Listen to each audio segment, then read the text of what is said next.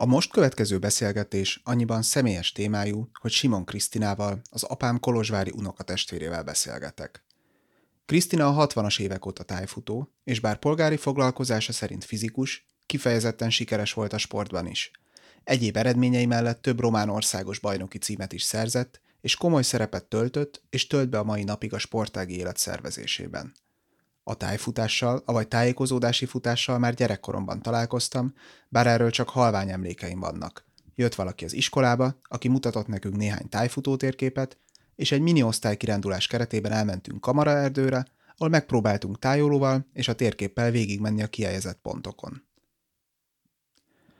A beszélgetés elején tisztázzuk, hogy mi is ez a tájfutás, hogyan készül a tájfutó térkép, és ez miben különbözik a szokványos turista térképektől. Ezután szó esik arról, hogy hogy zajlik egy tájfutóverseny előkészítése és lebonyolítása, majd arról is beszélünk, hogy milyen változások voltak ezekben az elmúlt évtizedekben.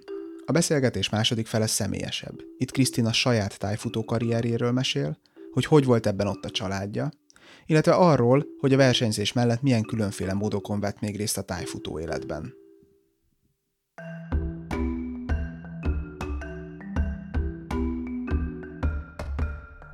Túranapló. Han András podcastja. Sziasztok, András vagyok. Mielőtt belefognánk, hadd emlékeztesselek benneteket, hogyha szeretnétek támogatni a túranaplót, azt a podcast.hiking.hu per támogatás oldalon keresztül tehetitek meg. A linket megtaláljátok a leírásban is. Köszönöm. Kezdünk. Hogy konkrétabb legyek, azért szerettem volna veled beszélgetni, mert a tájfutás egyrészt az egyik legkedvesebb időtöltésed, másrészt nagyon eredményesen végezted ezt a sportot az utóbbi Hát hány, inkább az hány előbbi. Évtizedben? Tehát az első találkozásom a tájfutással az 62-63-ban volt, amikor egyetemista lévén bekerültem egy ilyen kiránduló csoport, inkább turista csoportnak nevezném, ahol, mint kiderült, tájfutó társadalomnak is része volt ez a diákcsoport, és így találkoztam a tájfutással, akkor még nem is nagyon mondták így, hogy tájfutás, hanem azt mondták, hogy turisztikai tájékozódás, csak úgy simán, a futás szó még nem volt benne. És akkor aztán az évek folyamán természetesen alakult maga a sport is, meg egyre inkább életformám hoz, hozzátartozott. Beszéljünk egy kicsit arról, hogy egyetem mi az a tájfutás. Lényege az, hogy erdőben, leginkább erdőben, mindenképpen terepen történik, ismeretlen, ha lehet ismeretlen terepen, a részletgazdag térképek alapján pontokat kell érinteni, és ha lehet minél gyorsabban, a mai azért is alakult tájfutás szóvá,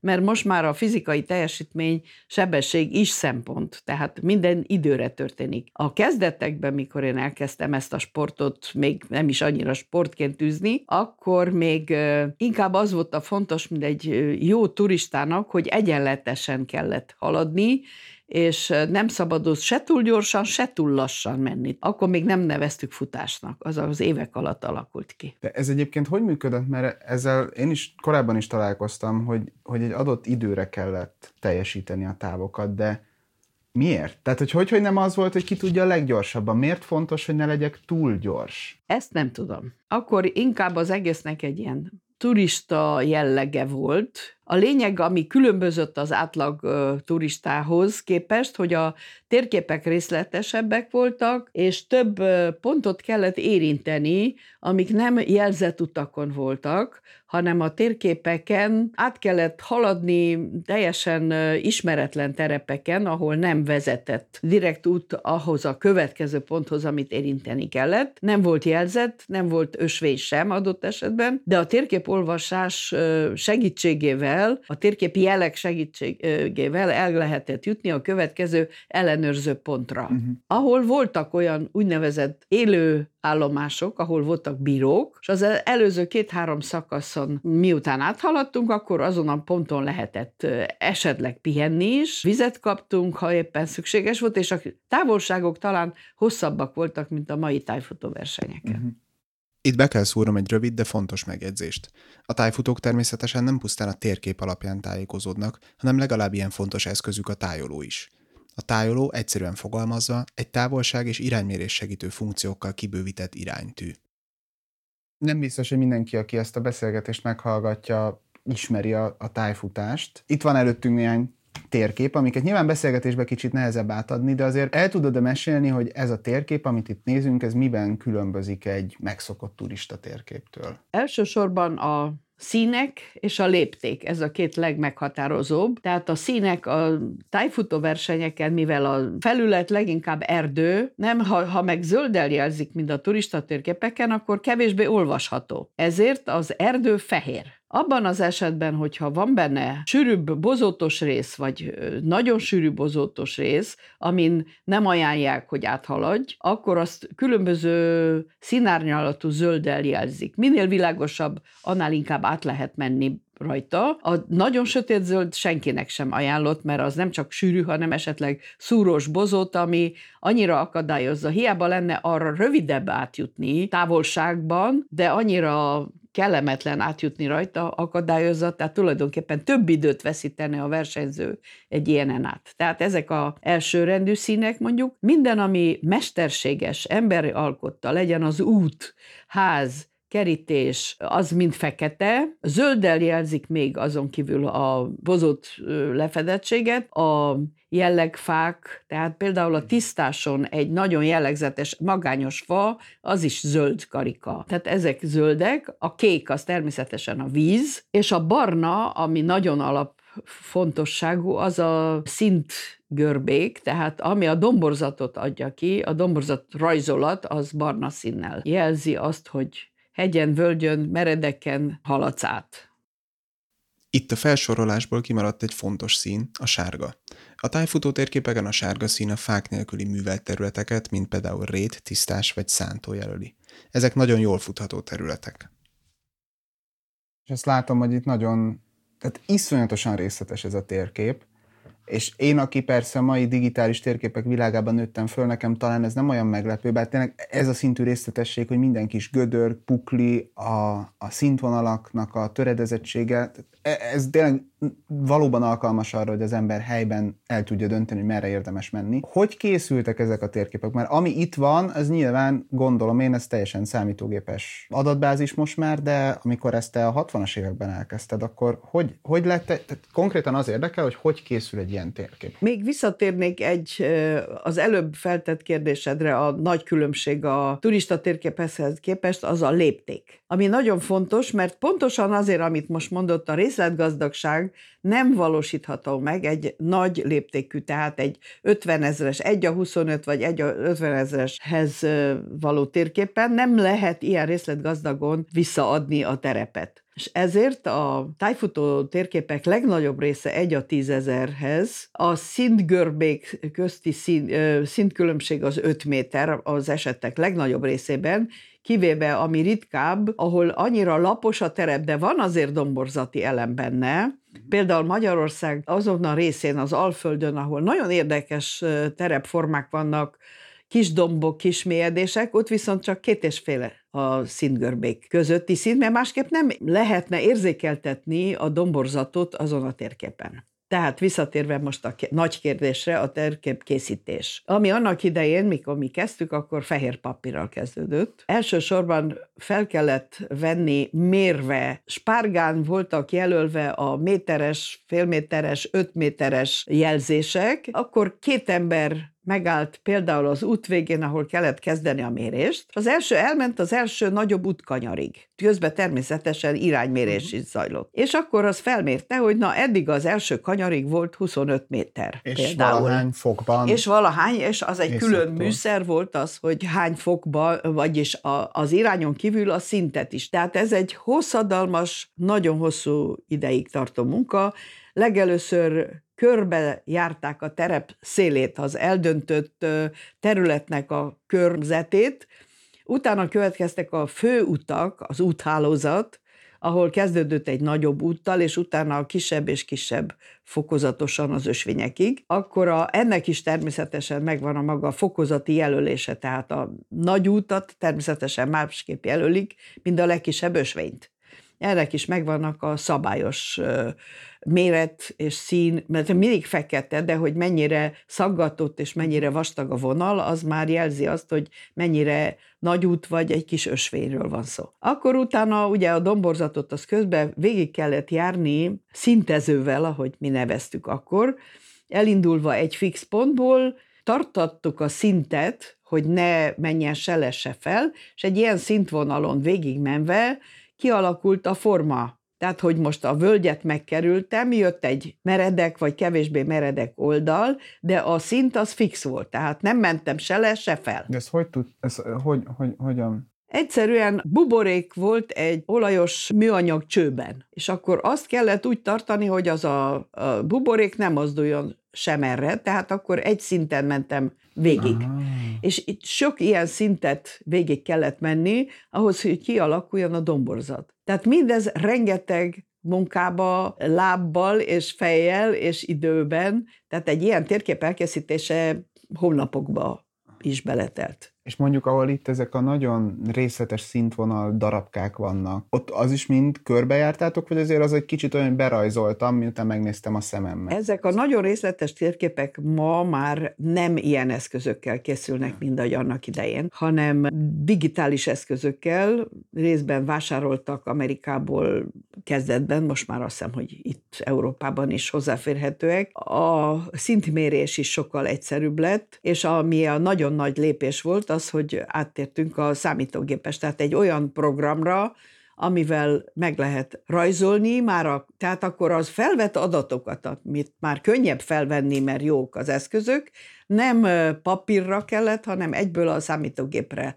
lehet bevinni az adatokat. Ez volt a legnagyobb lépés talán ebben a folyamatban. Azt mondtad, hogy az elején ezek kézzel rajzolt térképek voltak? Igen. Azt hogy sokszorosítottátok? Nyomdában, de úgy, hogy minden színt külön kellett felrajzolni a megfelelő lapra. Én nem értek hozzá, mert ezzel nem foglalkoztam, de tudom, hogy ez volt a módszer, hogy a feketét külön, zöldet külön, a kéket külön, mindegyik egy külön lapra, amit a nyomdába aztán a megfelelő módszerrel végezték el a feladatot, tehát nem értek hozzá, de a vége az lett, hogy meg lett a színes térkép. Mm. Tehát az elején még nem is, mikor még nem voltak ennyire, tehát az első periódusban, amikor én elkezdtem a tájfutást, még azért egy a 25, egy a 20 ezres térképeken is mentünk, és nagyon kevés elem volt. Nagy gerincek, nagy völgyek, nagyobb hegylábak, nagyon sok minden hiányzott a térképről. Mondjuk a nagy utak, házak, kerítések rajta voltak. De ilyen finom dolgok, hogy egy kis gödör, egy kis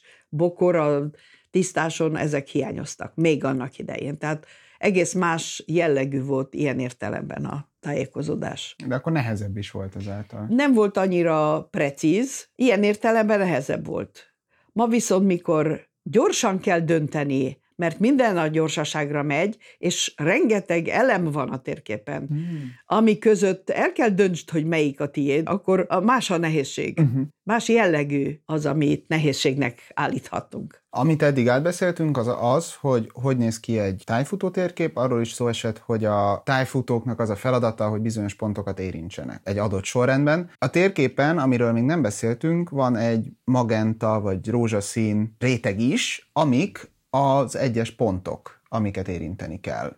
Ezekhez van egy kis útmutató, hogy, mi, hogy ezt a pontot egy, egy mélyedésben kerest, vagy egy hegyes kis ö, csúcson. Hogy dől el, hogy mik azok a pontok, amiket érinteni kell, és hogy jelölik ki, és honnan tudja utána a futó, hogy hova kell tulajdonképpen menni, és hogy érdemes oda jutni. Tehát az első fázis azt mondjuk, hogy eljutottunk odáig, hogy elkészült a térkép. Igen. Akkor következik az, hogy van egy pályakitűző, aki ezen a terepen ennek a térképnek a segítségével szeretne versenyt rendezni. Uh-huh. Tehát először is otthon leül a térkép elé, ami most már számítógépen történik, és a program segítségével elképzeli azt, hogy hol lesz, és nagyon fontos az, hogy hol lesz az indítás és az érkezés. Manapság ez egy külön probléma, hogy az érkezés olyan helyen kell legyen, vagy olyan helynek a közelébe, ahol az egyre több autóval érkező versenyző parkoljon. Tehát ez egy kicsit leszűkíti az érkezésnek a megjelölt helyét. Tehát a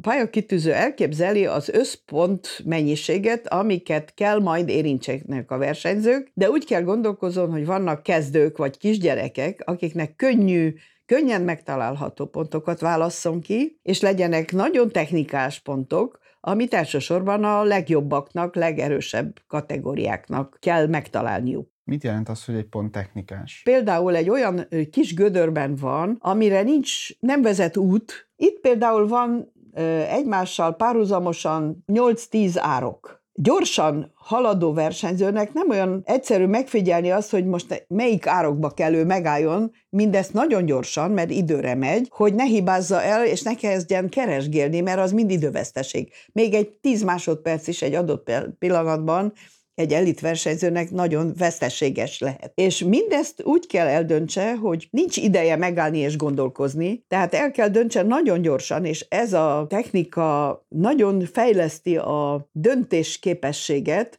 mert nagyon hamar el kell dönteni azt, hogy a következő pontig hogy menjek, hogy gyorsabban és az én tudásomnak és fizikai felkészültségi szintemnek megfeleljen ugye arról beszéltünk, hogy mitől technikás egy pont, tehát a verseny szervezője kitalálja, hogy milyen pontokat Igen, tehát szeretne. ez a pályakitűző, pályakitűző feladat, igen, a szervező, oda még sok minden más jön.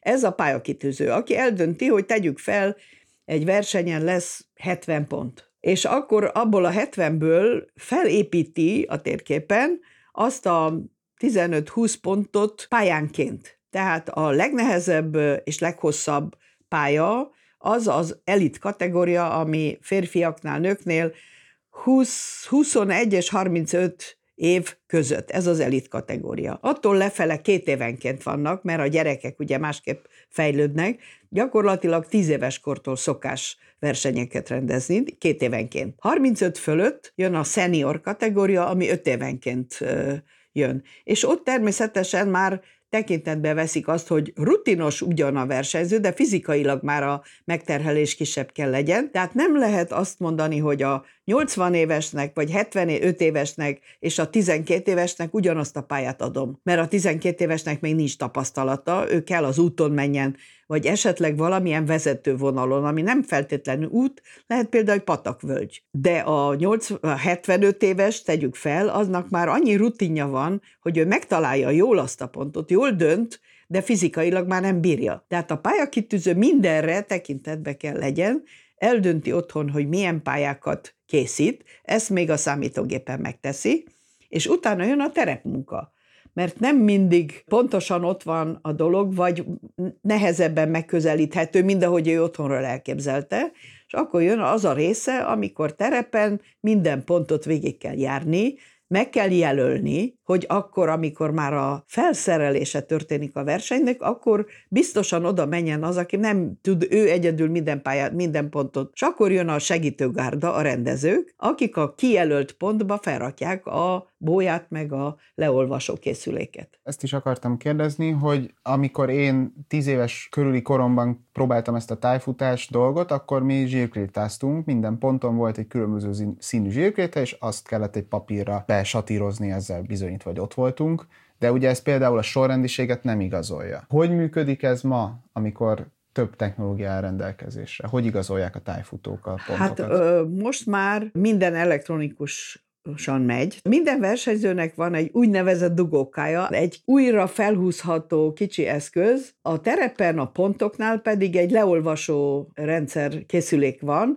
amit a beérkezéskor számítógépen leellenőrzik az egészet, ki is nyomtatják, és a számítógépen minden adat benne van. Tehát, hogyha véletlenül szándékosan vagy véletlenül valaki fordított sorrendben veszi a pontokat, vagy kihagy valamit, akkor az természetesen megjelenik, és azt rögtön érvénytelenítik azt a szakaszt, vagyis az egész versenyt. Tehát ha valaki kihagyott egy pontot, vagy fordított sorrendbe vett, az érvénytelen, tehát azt kirakták a versenyre. Nem is csak valami büntetőpont? Nincs. A régi versenyeken volt büntetőpont, ezek manapság már nincsen, kiment ez a fogalom, kiment. Egy hiba és kész vége. Egy hiba és vége, igen. Megjelenik az MP, ami miss point és, és vége. Ó.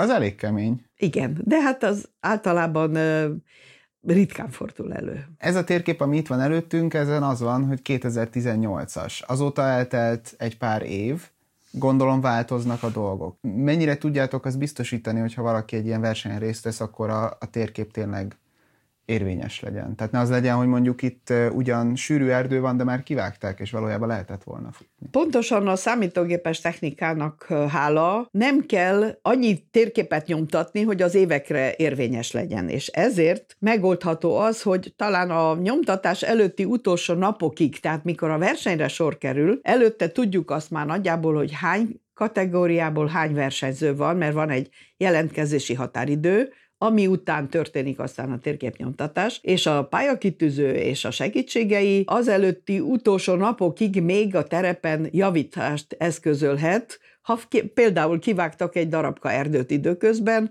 vagy kidőlt egy fa, és ahelyett, hogy magányos fa lenne, kiderül, hogy ez most már fa rönk lett belőle, vagy egy út, amit hosszú ideig nem használtak, már alig látható, tehát átjavítom, és nem annak a kategóriának. Tehát ezek segítségével napra készen lehet a térképeket kinyomtatni. Tehát aki már manapság megkapja a versenytérképet, biztos lehet benne, hogy napi szinten rendben van téve. Az, az jut eszembe, hogy oké, okay, hogy lehet ma már napi szintű műhold felvételeket is szerezni, akár lehet LiDAR-os drónnal repkedni, ami felméri a, a szinteket pontosan, de hogy azért elkerülhetetlen az emberi felülvizsgálat, hiszen pont egy ösvény benőttségét azt nem tudod távérzékeléssel felmérni. A mai technika pontosan ez a LiDAR, ez főleg arra jó elsősorban, hogy a domborzatot olyan szinten tudja ábrázolni, mert egy méteres szintgörbékkel történik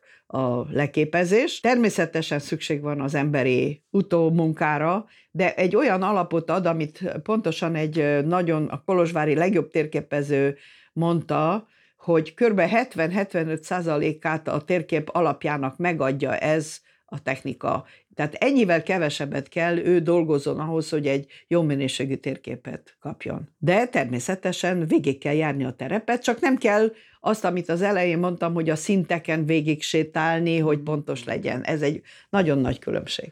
Tehát ő a, elsősorban a, tényleg az ösvények, és az ilyen finom amit az erdő fedezete miatt nem látszik. A gödrök, a hajlatocskák, a kicsi hajlatok, a patakvölgynek a kis ágazása, elágazásai, amik fedett erdőben nem látszanak a LiDAR technikában. Na jó, de ma már GPS-es készülékekkel lehet sétálni, szóval Igen, tehát mindenképpen könnyebb. sokkal könnyebb, és sokkal könnyebb. azért ez egy olyan munka, amit kevés ember vállal. Sajnos ez a térképezési munka gyakorlatilag megfizethetetlen, mert aki, aki ezt szívvel, lélekkel csinálja, csak azt tudja ezt a munkát vállalni, mert nincs az a anyagi fedezet, nem lehet, lehet vannak olyan országok, ahol ez lehetséges, nem tudom, az északi országokban, ahol a tájfutás már a születésüktől kezdve, tehát ez, onnan indul eleve, onnan ered a sport, Észak, Svédország, Norvégia, Finnország, Dánia. Ott lehet, hogy megfizetik olyan szinten a térképezőket, hogy ez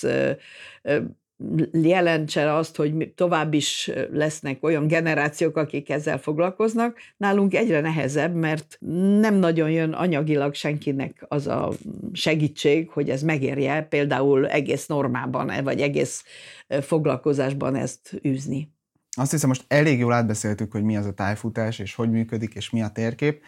Beszéljünk rólad, mert te nem egy véletlenszerű tájfutó vagy, hanem nagyon-nagyon komoly eredményeid vannak, az évek során, vagy lettek az évek során, és a családodban is elég, mindenki elég aktívan űzi ezt a sportot. Kezdjük azzal, hogy hol vagyunk most, Kolozsváron. Ezt eddig nem beszéltük, hogy ez egy erdélyi történet. Ott, hogy te elkezdtél a 60-as években tájfutni, mik voltak a következő lépések? Hogyan találtad meg azokat az embereket, milyen versenyek, és aztán hogy jutottál el az országos bajnoki szintig? Hát a tájfutás úgy kezdődött nálam, hogy mindig szerettem kirándulni, és Kolozsváron van egy olyan adottság, hogy rengeteg erdő vesz körül minket, tehát a kirándulás, a turázás az már eleve adott volt. És akkor ezzel a turista körrel, amiről beszéltem egyetemista koromban, kiderült, hogy néha tájfutó verseny, akkor mondom, turisztikai tájékozódásban is részt vesznek az illetők. És itt helyben voltak ilyen kisebb, egyszerű versenyek, amin részt vettem, és amin egyre jobban tetszett nekem ez a dolog. Akkor még nagyon egyszerű térképek voltak, nem is volt arról szó, hogy színek legyenek, ozalit papíron egyszínű térképek voltak, és csak a domborzat ábrázolás volt gyakorlatilag, tehát lehetett tudni, hogy hol a pataks, hol a völgy, és hol van egy ház, meg egy kerítés. Szóval körbe ennyi volt rajta és mit tudom én, 20, egy a 20 ezerhez körülbelül ezek. És akkor aztán előbb csak itthon, Kolozsváron, és akkor volt még egy barátnőm, aki szintén itt volt Kolozsváron egyetemen, és vele együtt kezdtünk járogatni ilyen kisebb versenyekre, és akkor egyszer meghívtak minket a Marosvásárhelyi tájfutók által, most már így mondom, hogy tájfutók, még akkor is, ha nem az volt akkor a nevük, által rendezett egy nagy versenyen, az volt az első lépésük ezeknek a vásárhelyeknek, ami egy aztán országos jellegű versenyé nőtte ki magát. A békás szorosban volt, és minket is elvittek oda akkor még csapatverseny volt, tehát kettesével mentek a versenyzők, és akkor volt előtte való este egy gyűlés, amin a különböző országrészből ott lévő versenyzőknek, a bíróknak, edzőknek mesélték, hogy ők úgy döntöttek, hogy nem csapatverseny lesz, csak a, összeszámolják majd az eredményeket, de külön-külön indul mindenki. Amitől én nagyon-nagyon beijedtem, és azt mondtam, hogy nem is megyek, mert én nem tudok még egyedül, de akkor volt egy alpinista barát, barátom, aki azt mondta, hogy szó sincs róla, ad nekem iránytűt és biztatott, hogy menjek. Az eredmény az lett, hogy megnyertük a versenyt, mi ketten ezzel a barátnőmmel, és ilyen kezdet után magától értetődő, hogy jött a folytatás. És akkor volt egy kolozsvári nagyverseny, amit annak idején Kolozsvár kupának hívtak. Egy érdekes verseny volt, szintén nem feltétlenül Kolozsvár környéken, de nem nagy távolságra, és így kezdődött a tájfutó életem. Az is például egy fontos mozzanat, hogy megismerkedtem 65-ben a férjemmel, aki akkor még ugyan nem volt tájfutó, de a síző kiránduló, tehát magamfajta ember volt ilyen érdeklődési körben, ugyan szakmailag nem, mert zenész, és akkor ő, a, a tanáruk olyan volt, aki kergette a diákjait, legalább egy évi egy tájfutó versenyre, és neki is megtetszett ez a dolog, és ő is elkezdett jönni versenyekre. Nekem már több tapasztalatom volt, kezdtem tanítgatni, és a többi jött magától. Úgyhogy aztán ebből házasság lett, tájfutás az természetesen része volt az életünknek, úgyhogy aztán a gyerekek is örökölték, úgyhogy most már az unoka, unoka szinten is megy a tájfutás nem tudom, hogy ilyen családi titkokat ki lehet -e adni, de hogy az egyik, hát a fiatok térképész, a lányotok nagyon komoly sporteredményekkel bír szintén, nem tudom, hogy erről szeretnél röviden mesélni. Nagyon szívesen, tehát én például, amikor én kezdtem ezt a sportot, akkor még gyerekekkel egyáltalán nem foglalkoztak, mert azokon a térképen, amik akkor voltak, egy gyerek nem tudott volna semmit csinálni. Nem voltak az útak jóformán. Tehát akkor egyetemista korba kezdtünk, akikkel kezdtük a tájfutást. Később, ahogy javultak a térképek, és kezdtek olvashatóbbak lenni a gyermekeknek is, úgyhogy nálunk az magától értetődő volt, akkor még a férjem is elég sokat térképezett, tehát segített az ilyen terepunkában, és akkor a 6-7 éves fia ment vele. Tehát egy adott pillanatban hamarabb ismerte a térképjeleket, mint az ABC betűit. Ez aztán folytatódott, a lányunk mondjuk nem járt annyira a térképezéssel, de természetesen ő is elkezdett, és ez olyan magától értetődő volt, hogy ha mi megyünk versenyre, vittük a gyerekeket is. Volt olyan is, hogy a lányunk nem érdeklődött épp olyan szinten a tájfutás iránt, és akkor azt mondta az edző, hogy hát nem is viszi sehova, és mi meg azt mondtuk, jó, akkor te itthon maradsz, mi hárman elmegyünk, és te maradsz itthon egyedül, vagy nagymamával esetleg. Természetesen neki fogod komolyabban venni a tájfutást, és azután tényleg nagyon jó eredményeket ért el, aztán Magyarországon is, ő áttelepült 2000-ben, és többször volt országos bajnok saját kategóriájában, még az elitben is, de utána később 35-40-45 évesen is többször volt országos bajnok. A fiunk, ő is sok mindent, ő aztán nem volt ilyen szinten a versenyzésben, de viszont a szakmája az onnan került ki, tehát térképész lett belőle Hogy lesz valaki országos bajnok? Mi, tehát egyrészt mi kell hozzá, mik a, mik a konkrét lépések, feltételek, és hogy lettél te romániai országos tájfutóbajnok? Hát mikor én lettem bajnok, akkor még azért lényegesen kevesebben voltak akik tájfutottak. Másrészt még nem volt annyira fontos a fizikai hozzáállás, vagy tudás, vagy minek nevezzem, kapacitás. Én inkább észszel tájékozottam. Tehát nagyon hamar éreztem, hogy merre, hogy mint döntsek, és nagyon sokan, akik nálam sokkal jobban futottak, hibáztak mert kapkodtak, siettek, rohantak. Én meg nyugodtan eldöntöttem azt, hogy mi a megfelelő az én tudásomnak, és a pontokat hamarabb kaptam meg ilyen alapon. Tehát mikor én lettem bajnok, ami rég volt, ilyen 68, 70, 71, 72, azokban az években még azért nem a fizikai képességek voltak a döntőek. A mai időkben már nagyon fontos az, hogy nagyon gyorsan és jól fussanak. Tehát együtt van a kettő, a térképolvasási sebesség és a fizikai erőnlét. Muszáj megjegyezem, mert ez nagyon fontos, hogy pont az, amit mondtam, hogy a döntési sebesség nagyon fontos. Például egy, én szerintem ez egy nagyon fontos dolog volt, hogy érettségi, egyetemi vizsgák felvételi azelőtt mindenhol a lányunk arra panaszkodott, hogy már szégyeli magát, hogy mindig elsőnek jön ki a teremből jó jegyekkel, mert annyira megszokta azt, hogy gyorsan kell dönteni. És ez az életben nagyon sokat számított neki, hogy ő megszokta azt, hogy a döntés az nem, nem húzzuk az időt én soha nem sportoltam versenyszerűen, tehát nem tudom, hogy hogy működik az, hogy hogy bajnokság. Különböző versenyekért kapsz pontokat, és azt összegzik, vagy hogy dől el, hogy ki a, ki a bajnok? Ez egy bajnok, egy olyan verseny, ami elméletileg a legjobb minőségű terepen, legjobb rendező, stb. stb. nem mindig jön össze, de elvileg az, hogy van egy bajnokság, ami most már több kategória, nem azon kívül, hogy a kor kategória, de van olyasmi, hogy hosszú távú, középtávú, rövid távú, váltó, tehát többféle verseny van, és akkor ezen, aki a legjobb, a leggyorsabban megy, tehát a legrövidebb időt futja, az az év bajnoka. Uh-huh kivéve a rövid táv, a sprintnek nevezett, ahol több verseny eredményét veszik össze pontozásos alapon, és van egy bizonyos szám, például rendeznek hat ilyen versenyt, akkor négyet vesznek, a négy, tehát a legrosszabbat és a legjobbat kiveszik, hmm. és átlagolják.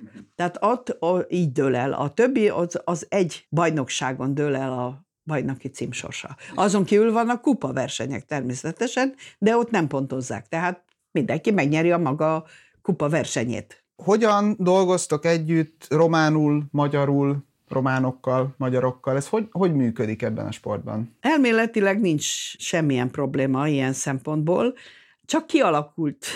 Kolozsváron 90%-ban magyarok a tájfutók. Van, mondjuk nem 90, 80 na. Van egy ö, olyan pálya, ö, térképész pályakitűző, aki román, és az ő körülötte van egy pár de az se sok. Itt elsősorban a magyar Marosvásárhelyen ugyanúgy, Váradon ugyanúgy. Természetesen a déli országrész, ahol jó Bukarest volt, jó Krajova, akkor a Moldván, a Jás román központokban, ott természetesen román a közösség. Brasóba vegyes van is-is. Szebenben volt valamikor egy nagyon erős versenyközpont, ahol 90%-ban szászok voltak, akik mind kimentek Németországba. Tehát az a szebeni központ meg is szűnt. Ott teljesen megszűnt a tájfutás. És érdekes, hogy nagyon sokszor van az, hogy egy ember, aki nagyon komolyan veszi ezt a sportot, maga körül egy olyan csoportot tud összehozni, hogy megjelenik egy város egy adott pillanatban, mint tájfutóközpont, és ugyanúgy eltűnik, mikor az az illető elmegy, vagy abba hagyja. Tehát vannak ilyen változó dolgok. Másképp nincsen nemzetiségi probléma a tájfutók között. Nem is problémára gondoltam, inkább a, a logisztikára. Tehát ezen a térképen, ami itt van előttünk, ezen magyarul is ott van a terület címe, hogy ez, ezt simán tudjátok akkor kezelni, igen. Megszokták, akik jönnek ide, hogy a kolozsvári tájfutó térképeken rajta van magyarul is. Lehet, hogy maguk közt kezdetben morogtak, de nem jutott el oda, hogy ebből valamilyen probléma legyen. Külföldre mennyit utaztál a sport kapcsán? Hát amikor lehetett. Kezdetben, úgy mondjuk a 70-es években azért magyarországi versenyekre két évente kaptunk lehetőséget, útlevelet, akkor elmentem a nagy versenyekre. Hogy akkor úgy hívták, hogy november 7 kupa, aztán átalakult Spartacus kupába, ami mai napig egy olyan verseny, amire jönnek a világból mindenhonnan, északiak, stb. Ez ö, október vége, november elején szokott lenni. Arra, ha csak tehettem, mindig elmentem. Később aztán 90 után beindult a lehetőség, és akkor aztán mentünk más versenyekre is. A magyarországi versenyeken kívül részt vettem néhány, nem is tudom pontosan, 5-6 világ, veterán világbajnokságon, tehát akkor már túl voltam a 35-ön, úgyhogy részt vehettem ilyen versenyeken, ez mind saját költségen, de nagyon ö, nagy élmény volt. Voltam Svájcban, voltam Litvániában, Csehországban, nem is tudom hirtelen felsorolni, de ilyen 5-6 világbajnokságban részt vettem. De a rendszerváltás előtt akkor nem tudtál nyugatra utazni? Nem. Tehát voltam, de kirándulásképpen rokonoknál, de tájfutó versenyen nem voltam nyugaton. Mit csinálsz most a tájfutás kapcsán? Amíg 90-ig voltak a klubok, ahova tartoztunk, különböző klubok, amiket többnyire valamilyen gyár tartott fenn. Tehát volt Kolozsváron az egyik legnagyobb gyár, volt a Kluzsána nevű cipőgyár, ahol volt vagy három-négy tájfutó veterán, akkor már veteránnak számító aktív, lelkes ember, akik maguk köré gyűjtöttek fiatalabbakat is, és akkor ezt a, a klub finanszírozta az utakat. Tehát az országban levő versenyekre tudtunk menni vonattal, fizették az utat és az ott tartózkodást. 90 után szép csendesen ezek a gyári, a gyárak is megszűntek, és ez a fajta finanszírozás. És akkor úgy döntöttünk, már azelőtt Norvégiába elfutott tájfutó barátaink biztatására, hogy alapítsunk egy alapítványszerű klubot, ilyen szövetség, nem is tudom, minek nevezem pontosan, és akkor 94-ben a Pro Orientare, tehát a tájfutás ért való klubot megalapítottuk, ami elsősorban arra fektette a hangsúlyt, hogy népszerűsítsük a sportot, és fiatalokat vonjunk be ebbe.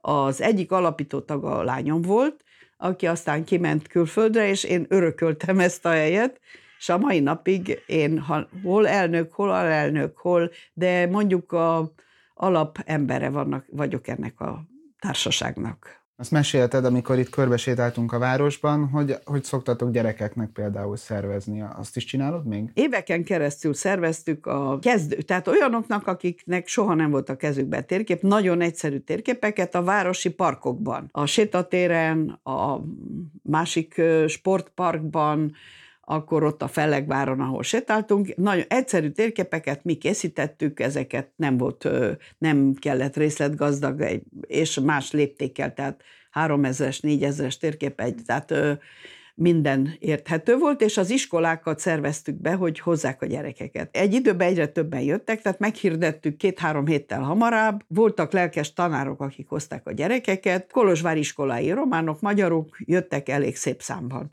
A maximum például egy adott pillanatban pont a Felegváron 295 gyerek volt, ez volt a legtöbb. A baj az volt, hogy ezek valahogy nem folytatták. Tehát mi megpróbáltuk az egyik lelkes kollégám, a László Csaba, aki könyvet is írt a tájfutásról, meg sok cikke van. Mi ketten szerveztük elsősorban ezeket a versenyeket, és megpróbáltuk azt, hogy na gyerekek, tíz nap, egy hét múlva rendezünk egy ilyen egyszerűbb, tehát nem ilyen nagy versenyt, de rendezünk egy edzésszerű valamit itt vagy itt. Először eljött 40 gyerek, aztán eljött 30 gyerek, aztán 10 gyerek, és a végén semennyi.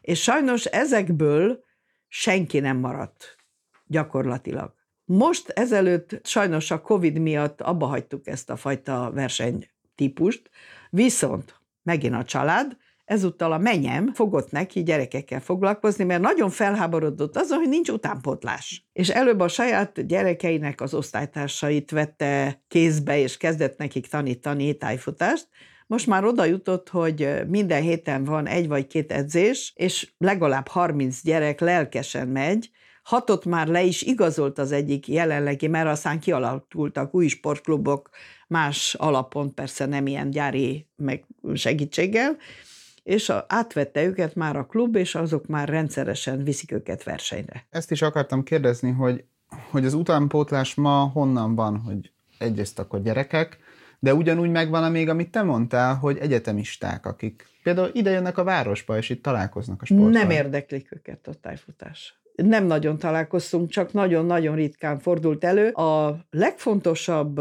dolog az, hogy a szülők, vagy azok a gyerekek kezdenek tájfutni, akiknek a szülei tájfutók, vagy most már hál' Istennek a fordítottja is van, hogy a gyerek elkezdett tájfutni ezzel a csoporttal, és elcsábította a szüleit. És most egyre több apuka, anyuka, aki eredetileg csak vitte a gyereket autóval a vers, oda az edzésre, most elindult a tájfutó versenyen az utóbbi években, most már elég sok éve van egy ilyen, hogy nyílt kategória, ahol nem számít a kor. Picivel nehezebb, mint a tíz éveseké, akik tíz éveseknek szalagozott, kiszalagozott pálya van, hogy tudják követni, 12-től már nincs. Uh-huh. Tehát a nyílt kategória általában 12 éves kategóriának megfelelő pályát kapja, de lehet 50 éves is az illető, mindegy.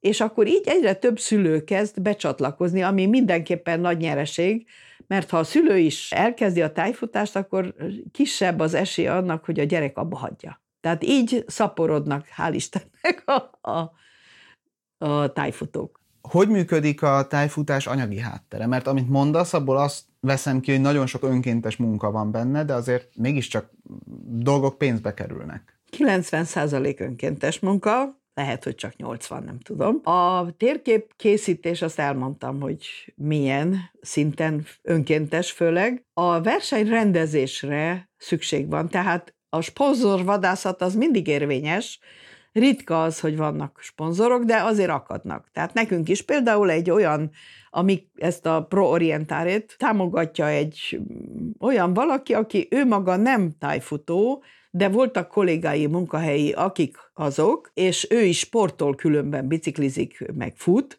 és úgy döntött, hogy ez egy olyan sport, amit támogatni kell. És tőle minden évben kapunk egy összeget, az egy olyan rendszeres támogatás, amiből például, ami mindenképpen pénzbe kerül, mert egy ilyen nagyobb versenyen kötelező a mentő ott legyen, kötelező a mobil WC, ezek mind pénzbe kerülnek, és nem kevésbe. Azon kívül természetesen a térképnyomtatás, a minőségi papír, mert mostanában külföldről veszünk olyan térképpapírt, nyomtatni való anyagot, hogy ne kelljen, mert eddig fóliába kellett tenni a térképeket, hogyha elázik, akkor ne menjen szét. Most már olyan papírral nyomtatunk, ami nem ázik szét az esőben, de ez is külföldről vásárolt pénzért. Tehát ezeknek mind kell az anyagi fedezet. Az, hogy elképzelem azt a versenyt, kitűzöm a pályát, az még mindig önkéntes alapon megy. De és mondjuk egy nagyobb versenyen, akkor azért gondolom van valamiféle nevezési díj. Igen. Azokon a gyerekversenyeken, ahol az iskolákat csábítottuk, ott nem volt benevezési díj, ott örventünk, hogy jönnek, és hogy látják, hogy mi az a tájfutás.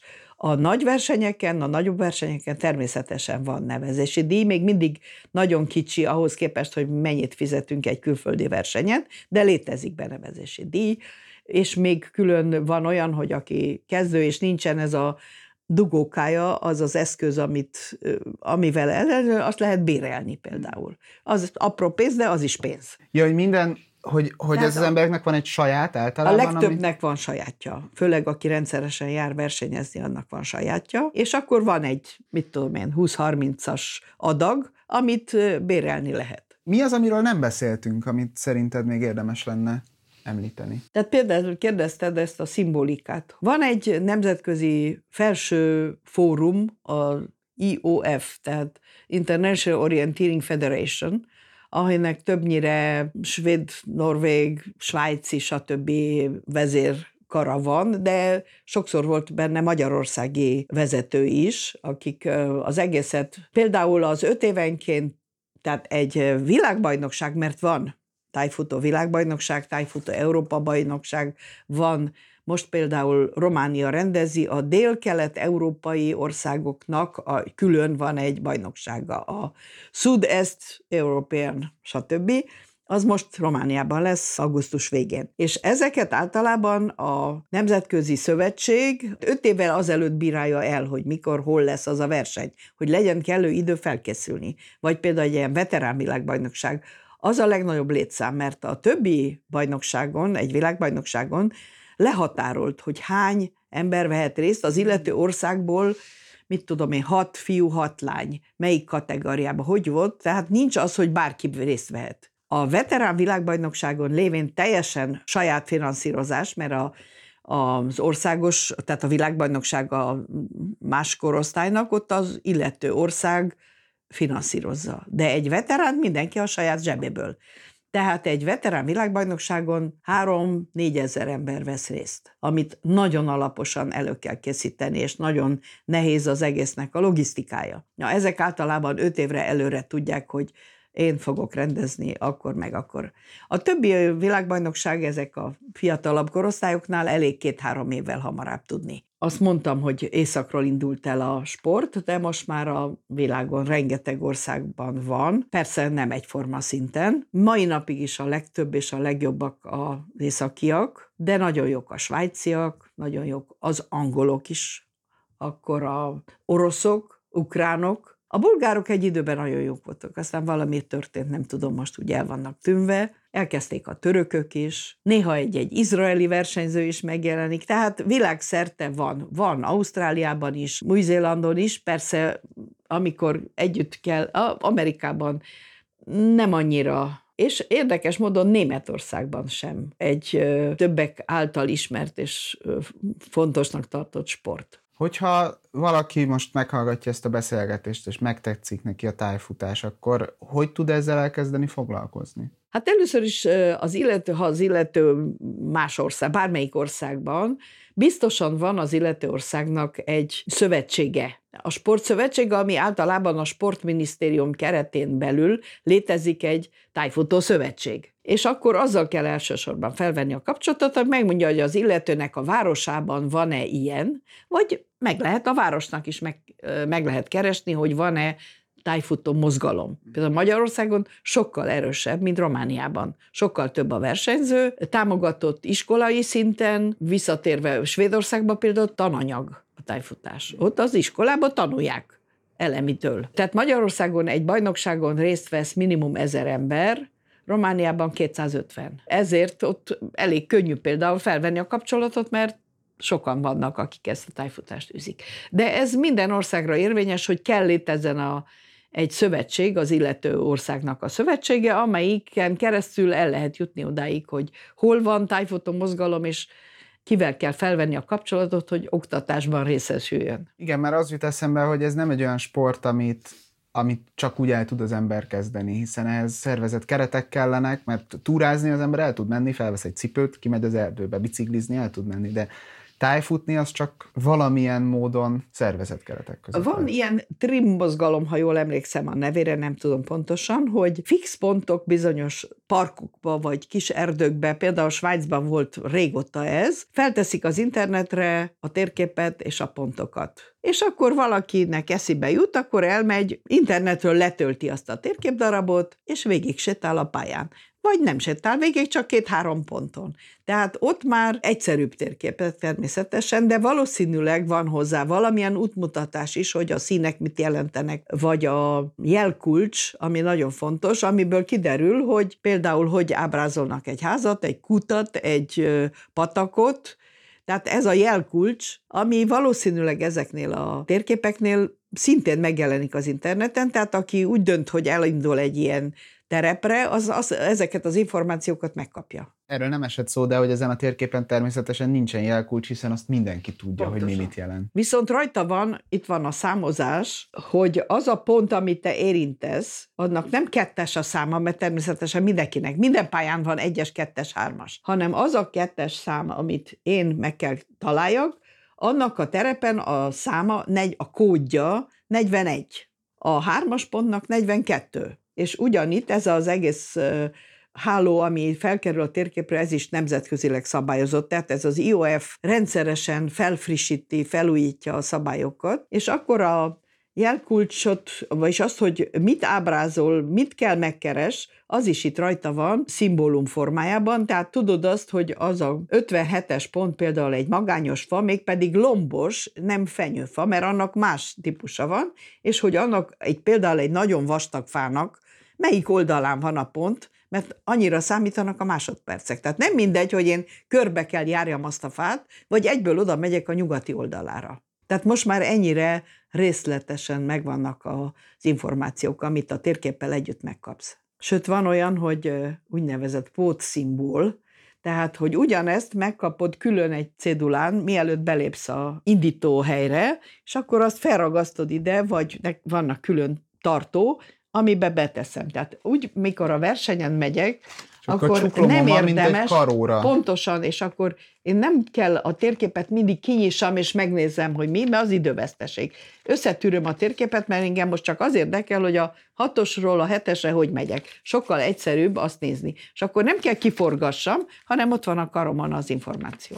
Egyébként az még eszembe jutott, hogy, hogy azon túl, hogy van ez a kis újra szerelhető leolvasó eszköz, azon túl azért nem sokat változott az elmúlt 60 évben maga a, a sport része, nem? Ugyanúgy egy tájolóval és egy papírtérképpel Igen, futunk tehát az, az erdőben. Alap, hogy az erdőben futunk, egy ismeretlen terepen, vagy ha ismert a terep maga. Tehát tegyük fel, volt ott már verseny, de a pontok biztos, hogy egész máshol vannak máshol van az érkezés, az indítás, tehát mindig már, na vannak olyan városok például, hogy nincs elég térképész ember, vagy elég terep, és ugyanazt az erdőt többször használják fel. De mindig valahonnan, mindig a, a szakaszok, a két pont közötti ö, variáns, az mindig más lesz, mert a pontot máshova tervezik el. És akkor mi az, ami változott? Mert azt mondtad, hogy ó, de hogy nem, sok minden változott. Hát elsősorban a térképminőség, az a legnagyobb változás. Akkor ez a leolvasási technika nagyon sokat számít, mert nem mind, most pár például még újabb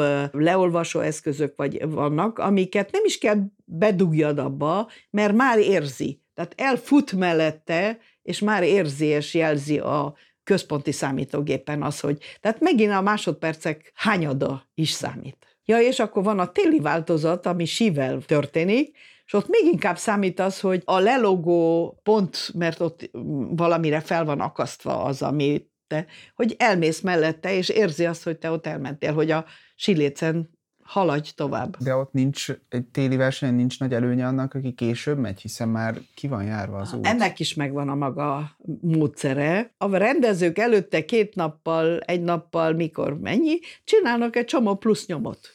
És akkor ugyanaz, mintha egy gazdag úthálózat lenne, ahol ugyanúgy ki kell választani, melyik a tiéd.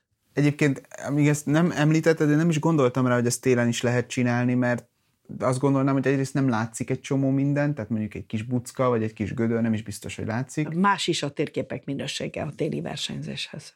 Nagyobb felület, hosszabbak a távok, pont azért, mert gyorsabb, nagyobb a sebesség, de van lehetőség rá, és a nyomfektetés az megtörténik. Milyen jó szakszó nyomfektetés. Szerintem nekem elfogytak a kérdéseim. Ja.